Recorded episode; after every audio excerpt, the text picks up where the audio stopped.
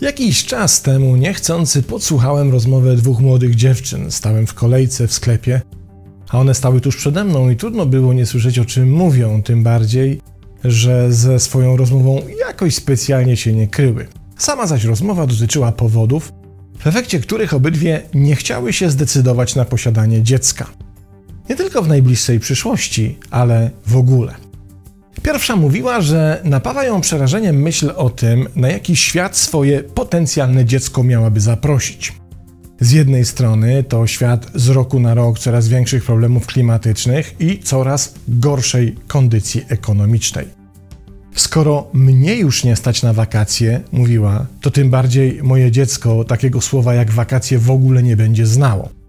Nie wspominając już o tym, że kiedy byłoby dorosłe, to najprawdopodobniej nie będzie już gdzie i po co na wakacje jechać. Byłem pewien, że druga podchwyci wątek ekonomiczno-klimatyczny. Tymczasem powiedziała coś innego. Ja sobie nie wyobrażam, jak będą wyglądały relacje ludzkie za 20 lat, skoro z każdym rokiem ludzie są coraz bardziej wrogo do siebie nastawieni i niestety coraz bardziej wredni. Kiedy wrogość i wredota będą rosły w tym tempie co do tej pory, to za 20 lat nie będzie już do kogo ust otworzyć. Po tych słowach w koło zapadła cisza, bo wszyscy, którzy słyszeli tę rozmowę, chyba zaczęli się zastanawiać, czy autorka tych słów czasem nie ma racji. Można by oczywiście machnąć ręką i usłyszane argumenty uznać za fanaberię, fantasmagorię, czy też nie mające większego społecznego znaczenia marudzenie w sklepowej kolejce.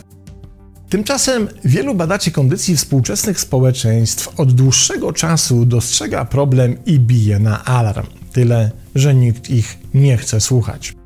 Jednym z nich jest Ronald Riggio, profesor przywództwa i psychologii organizacyjnej z kalifornijskiego Claremont McKenna College. On wprawdzie nie używa słowa wredota, ale zastępuje je chyba bardziej dosadną podłością i stawia tezę, zgodnie z którą z roku na rok stajemy się jako społeczeństwo coraz bardziej niecierpliwi, źli i mniej tolerancyjni wobec innych. Coraz częściej sięgamy po broń, by strzelać do siebie nawzajem, coraz częściej poddajemy się aktom drogowej wściekłości, coraz częściej przez nasze niewłaściwe zachowania na pokładzie trzeba zawracać samoloty. Oraz coraz częściej mamy gdzieś uczucia innych i kierujemy się podłością, z każdym kolejnym rokiem uznając, że nie ma w tym niczego, czego powinniśmy się wstydzić. I co najważniejsze, wnioski pana profesora nie dotyczą wyłącznie Stanów Zjednoczonych, bo ten wzrost ludzkiej wredoty ma miejsce na całym świecie. Według profesora Riggio te zjawiska zaś przybierają na sile i rosną w takim tempie, że najwyższy czas powołać do życia nową gałąź psychologii społecznej, którą nazywa psychologią gniewu, okrucieństwa i nieumyślności. Dr Nathan Hiflik z Wydziału Psychologii na Uniwersytecie Lincoln w Wielkiej Brytanii wskazuje, że problem z ludzką podłością nie jest zjawiskiem nowym. Wprawdzie, gdyby ludzie ze sobą nie współpracowali, to żadne społeczeństwo generalnie nie mogłoby istnieć.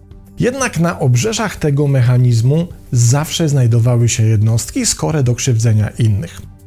Według Hiflika wynika to z kilku przyczyn. Na pierwszą wskazuje teoria tożsamości, zgodnie z którą zawsze istniała i będzie istniała konkurencja pomiędzy grupą własną a obcą, w której obcy są zawsze postrzegani mniej pozytywnie niż swoi, co pozwala utrzymać tożsamość grupy własnej i co najważniejsze, ochronić w ten sposób poczucie własnej wartości jako członka grupy swoich. Druga przyczyna jest wyjaśniana przy pomocy teorii porównań społecznych, w której akt naturalnego porównywania się z innymi poprawia lub pogarsza nasze samopoczucie. Poprawa samopoczucia zaś następuje częściej, kiedy zostaje dokonane porównanie w dół, czyli kiedy w akcie porównania dana osoba uznaje się za lepszą od tych, do których się porównuje. By więc czuć się lepiej z samymi sobą, ludzie poddają się dużo silniejszej tendencji do poniżania innych, czy też takiego ich wartościowania, by nadać innym niższą wartość od samych siebie. Kolejna przyczyna według Hiflika leży w zagrożeniu ego, które sprawia, że zagrożona samoocena jest kompensowana wzrostem agresywnych zachowań wobec innych. Powyższe teorie i owszem tłumaczą mechanizmy odpowiedzialne za wrogie nastawienie do innych, ale nie tłumaczą tego, że w ostatnim czasie obserwujemy tak wielkie nasilenie tego zjawiska, które wydaje się postępować z każdym kolejnym rokiem. Co zatem stoi za przyspieszającą i rosnącą w siłę wrogością i wredotą? Odpowiedź pojawia się w pracach wspomnianego wcześniej profesora Riggio. Sugeruje on, że stoją za tym cztery zjawiska. Pierwszym jest coraz silniej się rozkręcająca kultura strachu, która rozprzestrzenia się na coraz więcej obszarów. Notujemy ją już nie tylko w reklamie i marketingu, gdzie za pomocą motywacji lękiem nakłania się konsumentów do określonych decyzji zakupowych. Rozgościła się też w polityce i to na całym świecie, gdzie cyniczni politycy zorientowali się, że straszenie społeczeństwa dowolnym demonem ułatwia wyścig po władzę. I niestety na tym nie koniec, bo według wielu badaczy tego zjawiska kultura strachu z każdym rokiem opanowuje kolejne społeczne przestrzenie. Im więcej zaś lęku, tym więcej nieufności i niechęci do drugiego człowieka, do odrębności, innych poglądów czy obcych idei. Na drugim miejscu Riggio wymienia powiększającą się przepaść ekonomiczną pomiędzy uprzywilejowanymi grupami władzy, biznesu czy celebryctwa, a resztą, w którym to zjawisku notowany jest nieustanny wzrost poczucia niesprawiedliwości psychologicznej, o której opowiadałem w odcinku 275. A to społeczna beczka prochu, której wybuch może zainicjować nawet drobna iskra, który to scenariusz doskonale pokazywał film Joker z 2019 roku. Trzecie miejsce w tym zestawieniu zajmuje rosnąca polaryzacja, czyli nieustannie podsycany przez polityków i media rozdźwięk pomiędzy grupą my a grupą oni, który stał się już normą nie tylko na ulicznych protestach czy demonstracjach, ale również, co podkreśla Riggio, podczas rodzinnego wymieniania poglądów przy świątecznym stole. Czwarte zjawisko to zwiększająca się dynamika zmiany norm społecznych zachowań. Najłatwiej to zilustrować prostym przykładem. Gdybyśmy dysponowali wehikułem czasu i wysłali samym sobie sprzed 10 lat dzisiejsze fragmenty programów telewizyjnych, na przykład prezentujące sceny z udziałem napadających na siebie polityków, to zaledwie przed dekadą bylibyśmy przekonani, że to jakaś parodia, kabaret czy kiepska ustawka. Tymczasem to nasza dzisiejsza rzeczywistość, która już nawet przestała nas dziwić. To, co jeszcze do niedawna było społecznie nieakceptowalne, dzisiaj stało się normą i to w wielu obszarach, nie tylko polityki, ale też obyczajowości, autopromocji, budowania się na hejcie czy rozrywki. W tym niestety również w kontekście agresji i niechęci do innych. A każda nowa społeczna norma otwiera drzwi zachęty, by również z niej skorzystać, bo wydaje się bardziej bezkarna i mniej piętnowalna niż do tej pory.